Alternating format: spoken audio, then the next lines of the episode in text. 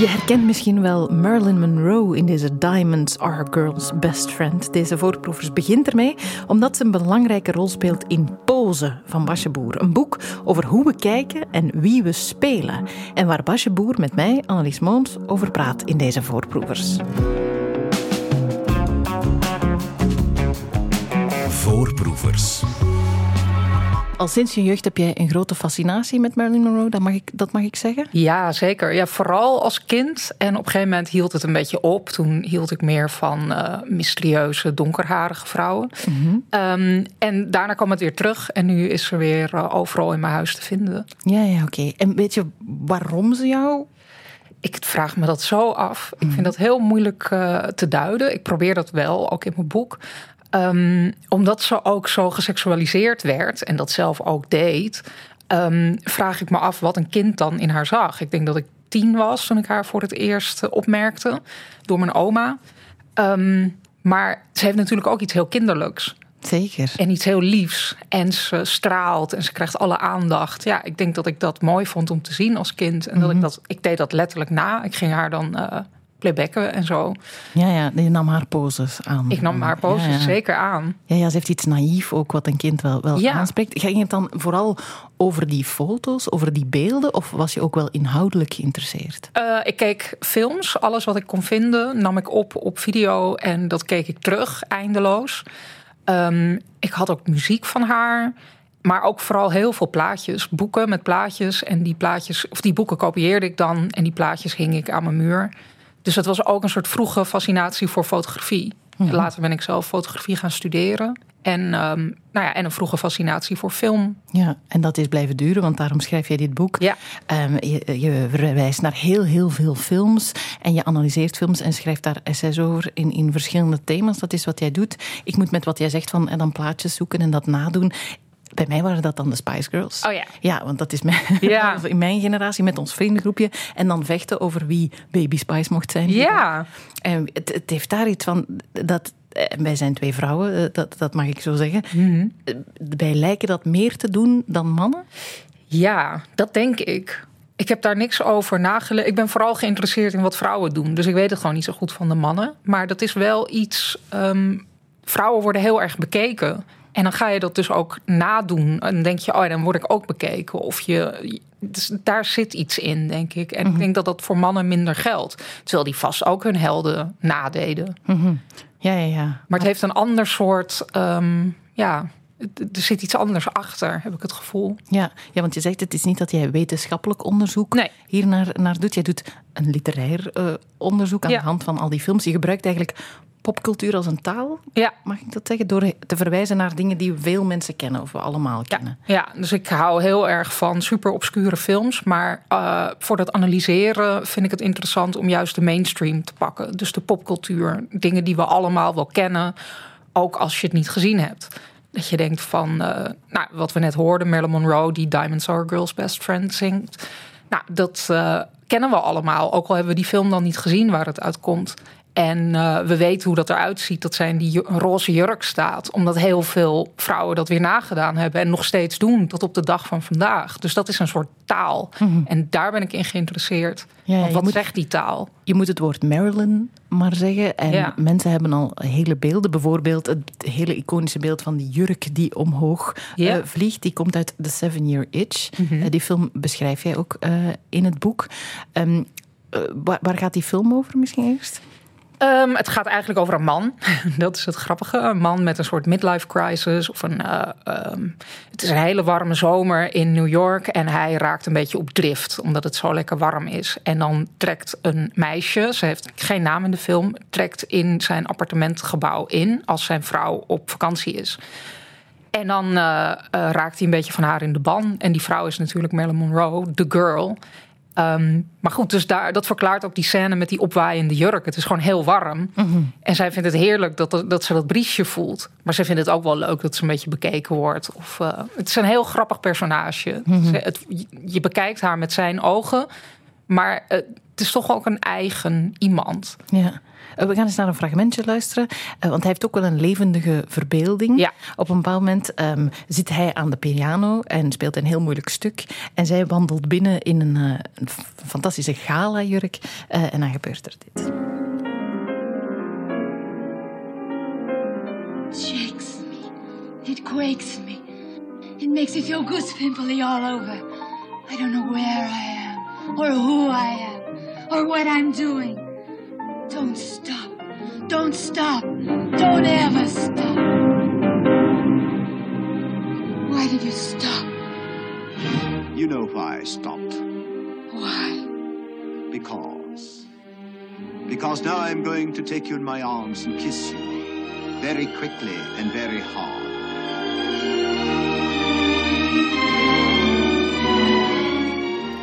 Het is eigenlijk grappig om het op de radio te doen, omdat het zo over beelden gaat en over, over wat je ziet. Maar het, het zegt wel iets over de, de dynamiek tussen die twee. Wat voor personage speelt ze voor jou?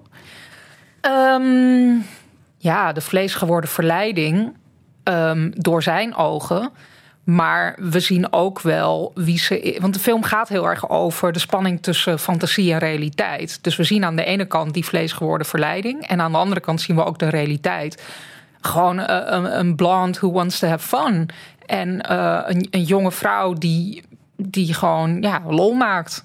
Daar komt het eigenlijk op neer. Ja, ja, ja. Maar vanuit zijn blik is het... Je Ja. ziet hem ook heel vaak, ik heb een paar stukjes teruggekeken, echt zo van haar van kop tot teen en, en terug bekijken. Hij zit de hele tijd heel obvious naar haar te staren. Dat is een groot stuk van die film. Ja, maar je hebt dan dus ook momenten, ehm, en dat is ook sterk aan die film, van Billy Wilder overigens, ehm, waarin je eh, te horen krijgt wat zij denkt. Dan gaat ze hardop mompelen wat ze zit te denken. En dan krijg je ook inzicht in haar. Dus ze blijft niet alleen maar dat beeld van die vrouw. Het, het wordt meer dan dat.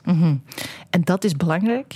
Ja, dat denk ik wel. Het hoeft niet per se. Het kan ook wel werken als dat niet gebeurt. Maar het is wel fijn als het een keer wel gebeurt. Dat je niet alleen de ongenaakbare girl next door of eh, weet je, de, de, als in het buurmeisje dat, waar je altijd verlangend naar zit te staren, maar die je nooit kunt hebben.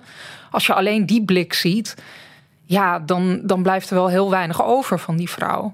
Dus het is leuk om af en toe eh, meer te weten van wat zij denkt. Ja, want dat valt ook wel op als het gaat bijvoorbeeld ook over Marilyn Monroe in eh, de overlevering over haar als persoon en in biografieën en in dat het tragische stuk van haar persoonlijkheid is ook maar een stuk van het verhaal, maar is wel wat je het meeste hoort. Ja, ja recent nog in de film Blonde. Ehm, dat is niet eh, een biografisch verhaal, een soort fictief biografisch verhaal. Maar dat- het is zo eenzijdig. Het is alleen maar een zeer tragische figuur. Terwijl Marilyn Monroe was natuurlijk ook getraumatiseerd. Maar dat maakt haar niet tot een eh, plat slachtoffer. Ze was toch nog steeds meer dan dat. En, en wat doet trauma met je? Dat, dat, kan, dat is ook complex. En die complexiteit zat helemaal niet in die film. En dat vind ik jammer. Ja. Maar ik snap ook de, hoe verleidelijk het is om een symbool van iemand te maken.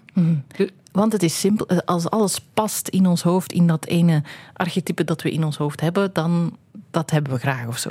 Ja, dus Marilyn Monroe tijdens haar leven was het gewoon een seksbom. Niet meer dan dat. En toen ging ze dood en toen was ze een tragische, vroeg gestorven vrouw. ehm, die bijna aan dat seksbom zijn was overleden. Ja, het is, dat is allebei niet waar. Het is een heel gelaagd iemand, zoals we dat allemaal zijn. En ehm, ja, dat is jammer. En ik vind het ook interessant als je ziet van... ze had ook gewoon geen leuke kant. Weet je, sommige dingen waren niet leuk aan haar. Wil ik ook zien, ben ik ook in geïnteresseerd. Ja, want wat zijn zo dingen die jij als grote fan van haar weet, dat, dat veel mensen niet weten? Nou, nou, misschien weten mensen wel dat ze vaak te laat kwam op de set. En eh, dat iedereen eh, moest wachten. Ehm, en dan schreef ze ook wel briefjes naar de hele crew van sorry dat ik te laat was. Maar ze, deed dat, ze heeft ook gezegd van dat, dat deed ik expres. Omdat ik gewoon die macht had. En omdat zij ook iemand is die zo verwaarloosd is als kind. Ja, ze nam een soort wraak. En dat snap ik. En dat maakt haar ook eh, echt. Ja, en genuanceerd. Ja. Ja. het lijstje van vrouwen waarmee dat soort, of waarmee zo aan de haal wordt gegaan met hun verhaal is heel lang. Ik heb er een aantal maar opgeschreven. Dat gaat van een Nico naar Amy Winehouse en Britney Spears en Romy Schneider. Daar gaat het voor de geïnteresseerde zaterdag in dit programma over Ah, ja. Annemie. Eh, want eh, filmkenner Wouters Hessels is gaan kijken naar een grote tentoonstelling in eh, Cinema Palace hier in, in België. Ehm, maar bijvoorbeeld ook een Whitney Houston. Ja. Als je aan Whitney Houston denkt, dan denk je aan trage, eh, trieste liedjes zelfs. Omdat dat het grootste beeld is, dat, of het grootste stuk van het beeld is dat je aan haar hebt. Maar ook Ja. bij haar klopt dat niet helemaal. Nou, door haar dood is er wel een hele tragische glans over haar leven gekomen. Terwijl ze ook een weerbarstig iemand, volgens mij. Een moeilijk iemand. En eh, ook iemand die niet echt zelf per se beroemd wilde worden, volgens mij. Ehm, en ja, die is daar gewoon zo ingerold. En mensen zeiden: Oh, je bent zo getalenteerd, doe dat nou. En daar ging ze dan in mee. Maar eigenlijk wilde ze andere dingen doen. En eh, was ze ook heel lui, schijnt. En ja, dat, dat vind ik interessant. Als, het, eh, als je die dingen ook allemaal meekrijgt over iemand. Want dan gaat het over de tegenstelling tussen wie iemand echt is en de pose die die aanneemt in het publieke oog. Ja, ja en ook ehm, dat talent is niet altijd. Als je getalenteerd bent, hoef je daar niet per se iets mee te doen. Dat vind ik ook interessant. En, en vaak ja, is dat wel het, eh, waar het op neerkomt. Ja. En als, het, als dat niet zo is, bijvoorbeeld bij Whitney, Whitney Houston, en je wordt maar gezegd dat je dingen moet doen en je wil dat eigenlijk niet, ja, dan ga je daar aan ten onder. Ja, nou ja, dan ga je wel eh, manieren vinden om te ontsnappen. En in het geval van Whitney Houston was dat drugsgebruik. Ehm, maar ik denk sowieso dat, het, dat zij best wel een heel ongelukkige vrouw was. Die ook het moeilijk vond om moeder te zijn, bijvoorbeeld. En eh, worstelde met relaties en ehm, nou ja, allemaal dat soort dingen. Ik ben eh, tijdens het lezen van dit boek ook geconfronteerd met alle vrouwen die ik ooit wilde zijn. Pose is het boek. Alle personages die ik als puber heb uitgeprobeerd, die passeerden de revue. Van het meisje met de gekke mutsen en de gekke hobby's tot de verleidelijke vrouw met een diep decolleté en de naïeve ogen. En ik heb dat nu maar beseft, dat het allemaal archetypes zijn die ik niet zelf bedacht en, en dacht van, ah, dat lijkt me fijn. Nee, ik had die allemaal uit verhalen eh, geleerd. Zo ook bijvoorbeeld de Manic Pixie Dream Girl. Eh, dat is zo'n meisje met gekke outfits en gekke hobby's, hè, eh Basja Boer. Een mooi voorbeeld daarvan is Summer uit eh, de film 500 Days of Summer. Eh, Ja. ja, 500 Days of Summer. Ik heb een stukje uit de trailer bij. Ehm, het is een, een soort romcom. De trailer zelf zegt het is boy meets girl, maar toch een beetje anders. En die eh, meeting eh, die gebeurt in een lift. Hij is op zijn hoofdtelefoon naar de Smiths aan het luisteren. En dan gebeurt er dit. I love the Smiths. Sorry? I said I love the Smiths. To die by your side is such a heavenly way to die. I love them. In college, they called me perfectly adequate and handsome. They used to call me anal girl. I was very neat and organized. So you have a boyfriend? No. Who needs it? We're young. Might as well have fun while we can. And Wait, wait. What happens if you fall in love? You don't believe that, do you? What? It's love. It's not Santa Claus. Ze is eh, grappig. Eh, ze is onafhankelijk ook. En ze zegt dat ze geen lief nodig heeft. Dat sprak mij allemaal nogal aan in de film. Het was een van mijn favoriete films toen. Ehm, maar het is echt een archetype, hè? die Manic Pixie Dream Girl. Wat Ja. zijn zo nog kenmerken eh, van haar? Ehm, nou, ze is een beetje ditzy, zoals je dat in het Engels zou zeggen. Een beetje onhandig. En eh, ze, dat hoorde je net ook wel. Ze zegt een beetje onhandige dingen. Ehm, maar dat maakt haar juist zo charmant. Ze, ze doet rare dansjes, zoals Natalie Portman in Garden State. Die speelt dan Sam. Ehm, een beetje hippie-achtig is ze soms. Zo, zo moet je dat zien. Maar ze is dan wel heel erg aantrekkelijk, knap. En ja, ze past in het schoonheidsideaal. Dus ze wijkt een beetje af. Waardoor je denkt, oh, die hoofdpersoon heeft echte smaak. Maar eigenlijk is ze gewoon heel stereotyp Ja, eh, knap. Ze wijkt niet echt af. Ze wijkt niet echt af. Nee, nee, nee. Ehm, en ze is een beetje raar, maar ze is niet echt gek. Ehm, en ze kan ook wel verdrietig zijn, maar we weten nooit waarom. Want het blijft toch iemand, een personage dat geheel door de ogen van de mannelijke hoofdpersoon wordt bekeken. Ehm, en dat is niet per se erg, zoals ik net ook al zei. Dat, dat mag allemaal bestaan. Alleen als je dat steeds weer ziet in films. Ja, dan begint het misschien wel problematisch te worden. En uh, als je doet alsof dit een heel complex personage is, maar eigenlijk weet je helemaal niks van haar, dat is ook problematisch, denk ik. Ja, want dat was het een beetje. Het sprak mij aan omdat het een ander type Ja. meisje was. Hè, want het was niet ja, wat je daarvoor misschien al vaker gezien had. Maar dan vergeet je inderdaad dat het geen vol complex personage is. Want Ja. als ik er nu naar kijk, denk ik, ah ja, je ziet alleen wat hij van haar vindt. Ja. Eigenlijk. En wat een leuk voorbeeld is, is eh, Eternal Sunshine of the Spotless Mind. Daarin heb je ook een beetje zo'n soort type, gespeeld door Kate Winslet. Maar dit type gaat dan wel echt verder. Zij heeft wel echt problemen en ze, het schuurt. Het is echt een personage dat schuurt. En eh, ook niet per se altijd sympathiek is. Maar uiteindelijk toch, ja, je snapt wel waarom de hoofdpersoon voor haar valt. Dus dat is, daar werkt het wel. Ja, ja, want, als, eh, hè, want zij mag niet sympathiek zijn. Zij mag die humeurige kant hebben. Daarnet ging het ook bijvoorbeeld bij Whitney Houston dat hij lui mag zijn, dat hij lui was. Ja. Maar als we dat niet zien in al die verhalen, dan mogen echte vrouwen dat misschien ook minder.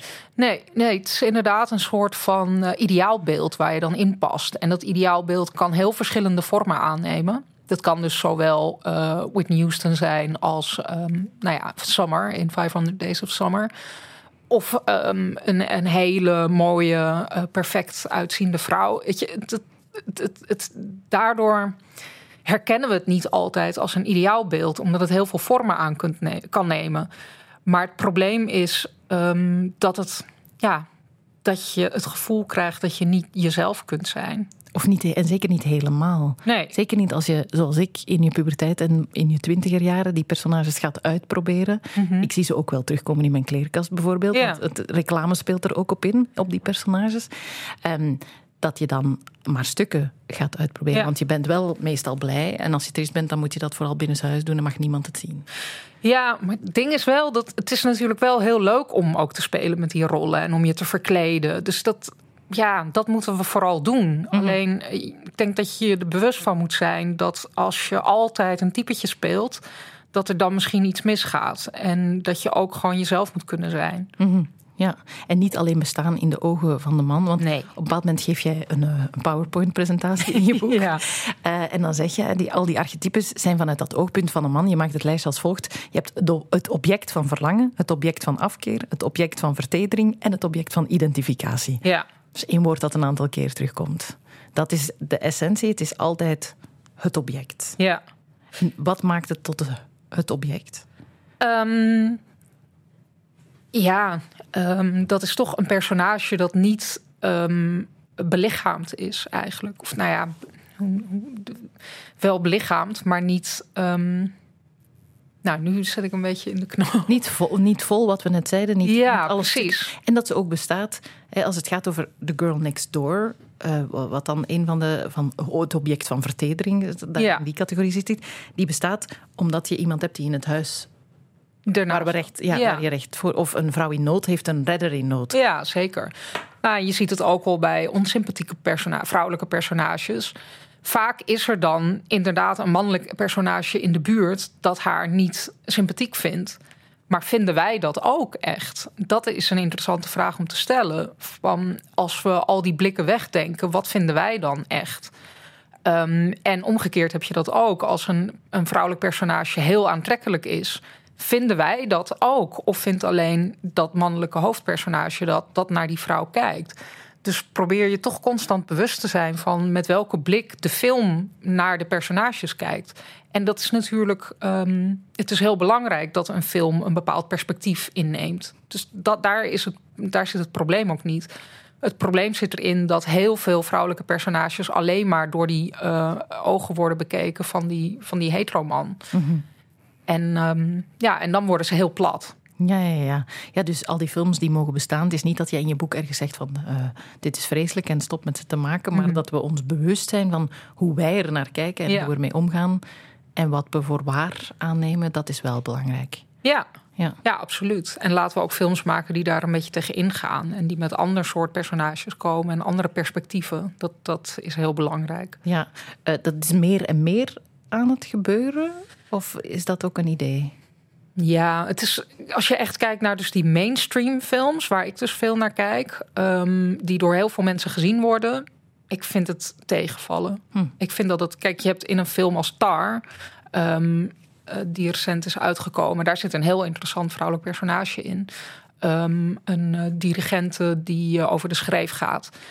Maar ja, wordt dat echt een, um, een popcultureel fenomeen? Uh, op grote schaal? Dat vraag ik me af. En als je kijkt naar welke films echt goed bezocht worden door, door grote massa's, zie je nog steeds gewoon heel veel mannen. Mm -hmm. uh, Top Gun Maverick bijvoorbeeld. Uh, vrijwel alleen maar mannen. Um, of ja, je ziet wel actieheldinnen of superheldinnen. is ook best wel plat. Ja, ja. worden ook geen gelaagde personages. Nee, nee, dus op de oppervlakte is het misschien wat anders ja. maar nog niet echt. Af en toe heb je wel eens iemand um, die iets zegt. Uh, mm -hmm. die, die, uh, die ons ook doet nadenken, zoals jij doet met dit boek. Um, je haalt daar ook aan in het boek Hannah Gatsby. Ja. Uh, ze wordt wel een stand-up comedienne genoemd, maar dat is een rare term voor haar, want echt lachen is er soms niet aan, ook al wordt het wel... Ja, ze gebruikt natuurlijk wel... Het is heel moeilijk, daar kunnen we ook een uur radio over maken, over haar. Uh, maar in uh, Nanette, een show waar ze heel beroemd is mee geworden, heeft het op een bepaald moment over Picasso. Laat daar even horen. Picasso fucked an underage girl. And that's it for me. Not interested. But cubism.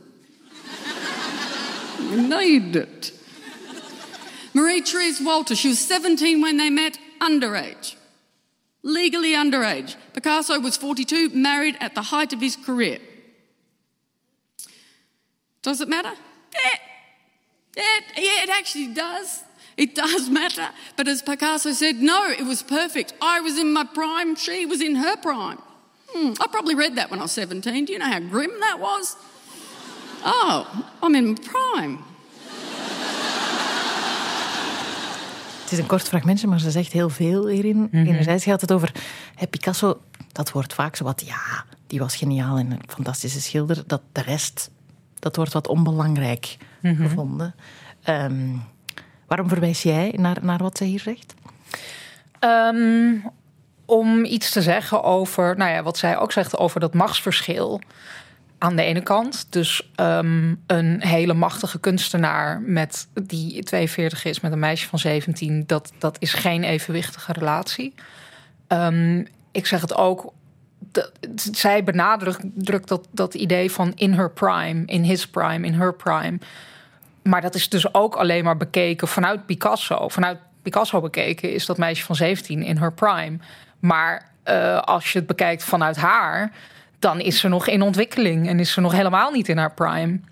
Dat is eigenlijk alleen seksueel gezien of het plaatje waar je naar kijkt. Mm. Um, dus dat is heel uh, gevaarlijk om dat soort dingen te zeggen. En daarnaast vond ik het interessant, uh, inderdaad, hoe we naar mannelijke kunstenaars, of überhaupt naar grote kunstenaars kijken. We hebben toch een plaatje in ons hoofd daarvan.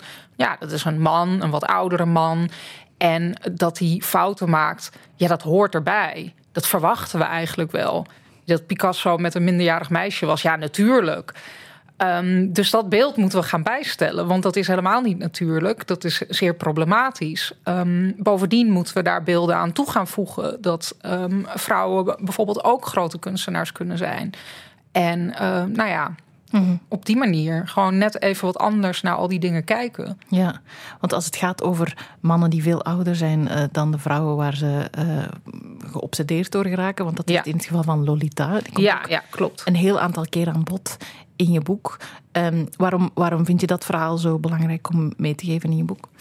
Nou, ik vond het um, een interessant voorbeeld van uh, hoe boeken verschillen van films dus dat is een van de redenen.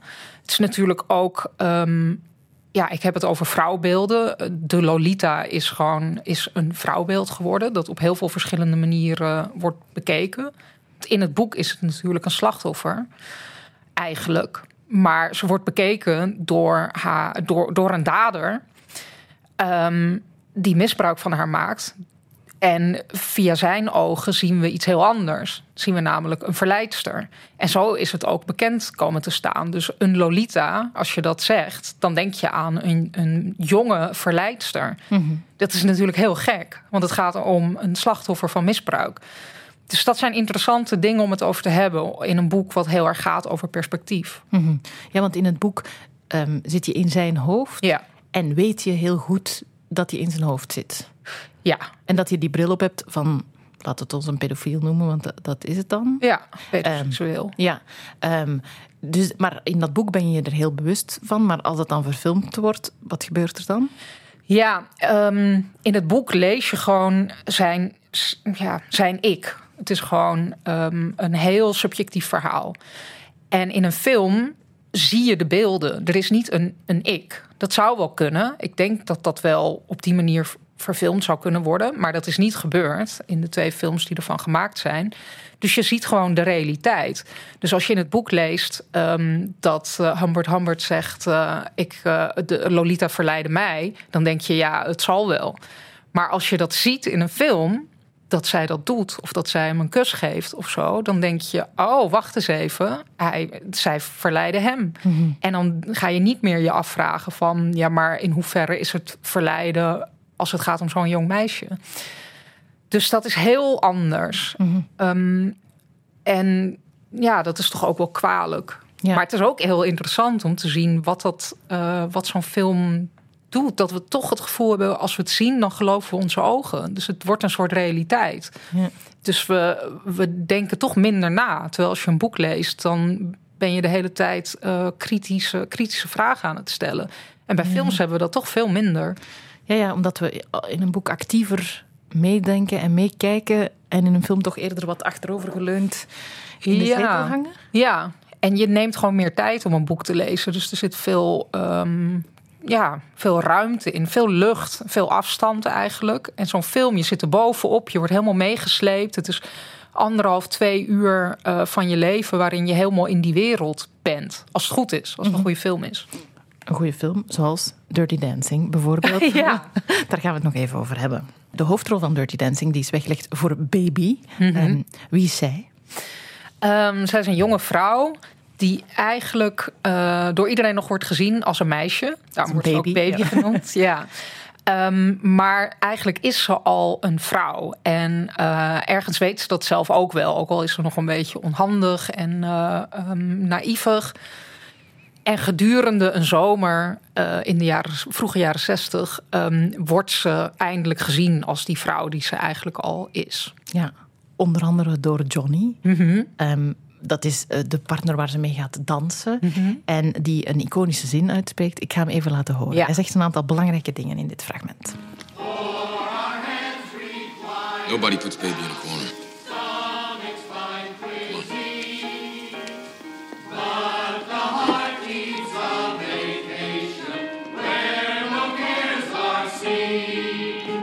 Sorry about the disruption, folks. But I always do the last dance of the season. This year somebody told me not to. So I'm going to do my kind of dancing with a great partner who's not only a terrific dancer, but somebody who's taught me that there are people willing to stand up for other people no matter what it costs them.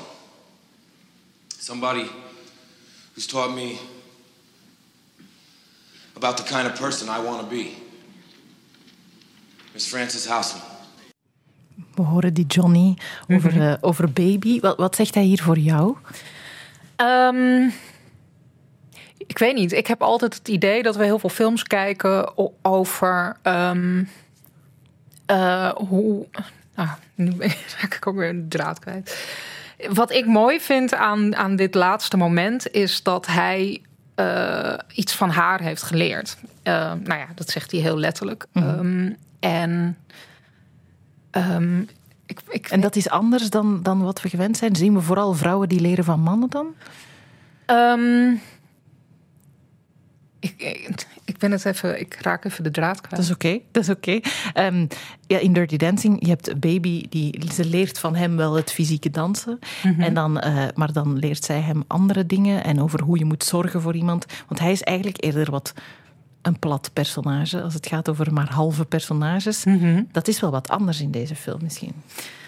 Um, hij... Um, je, je denkt van, zij is een beetje... Uh, nou ja, dus zij is een baby, ze is onhandig, ze kan niet dansen. Waarschijnlijk is ze nog maagd, dat wordt nooit letterlijk gezegd... maar dat gevoel krijg je heel sterk. En hij is die, die verleidelijke man.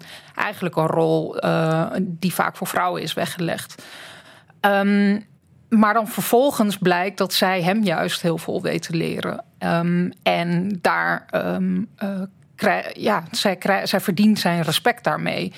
En daarin zit natuurlijk heel sterk een soort vrouwenfantasie. Dat hij dan uiteindelijk zegt van...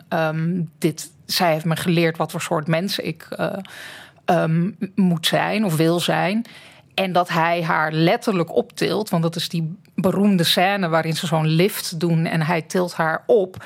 Ja, dat is natuurlijk totaal een vrouwenfantasie. Maar tegelijkertijd is het ook iets wat we niet heel vaak zien. En er zit een soort, nou wat ik net zei, een soort omdraaiing in. Dat het niet is dat zij um, verandert, maar dat de mensen om haar heen haar anders beginnen te zien. Mhm. En dat vind ik heel mooi. Ja.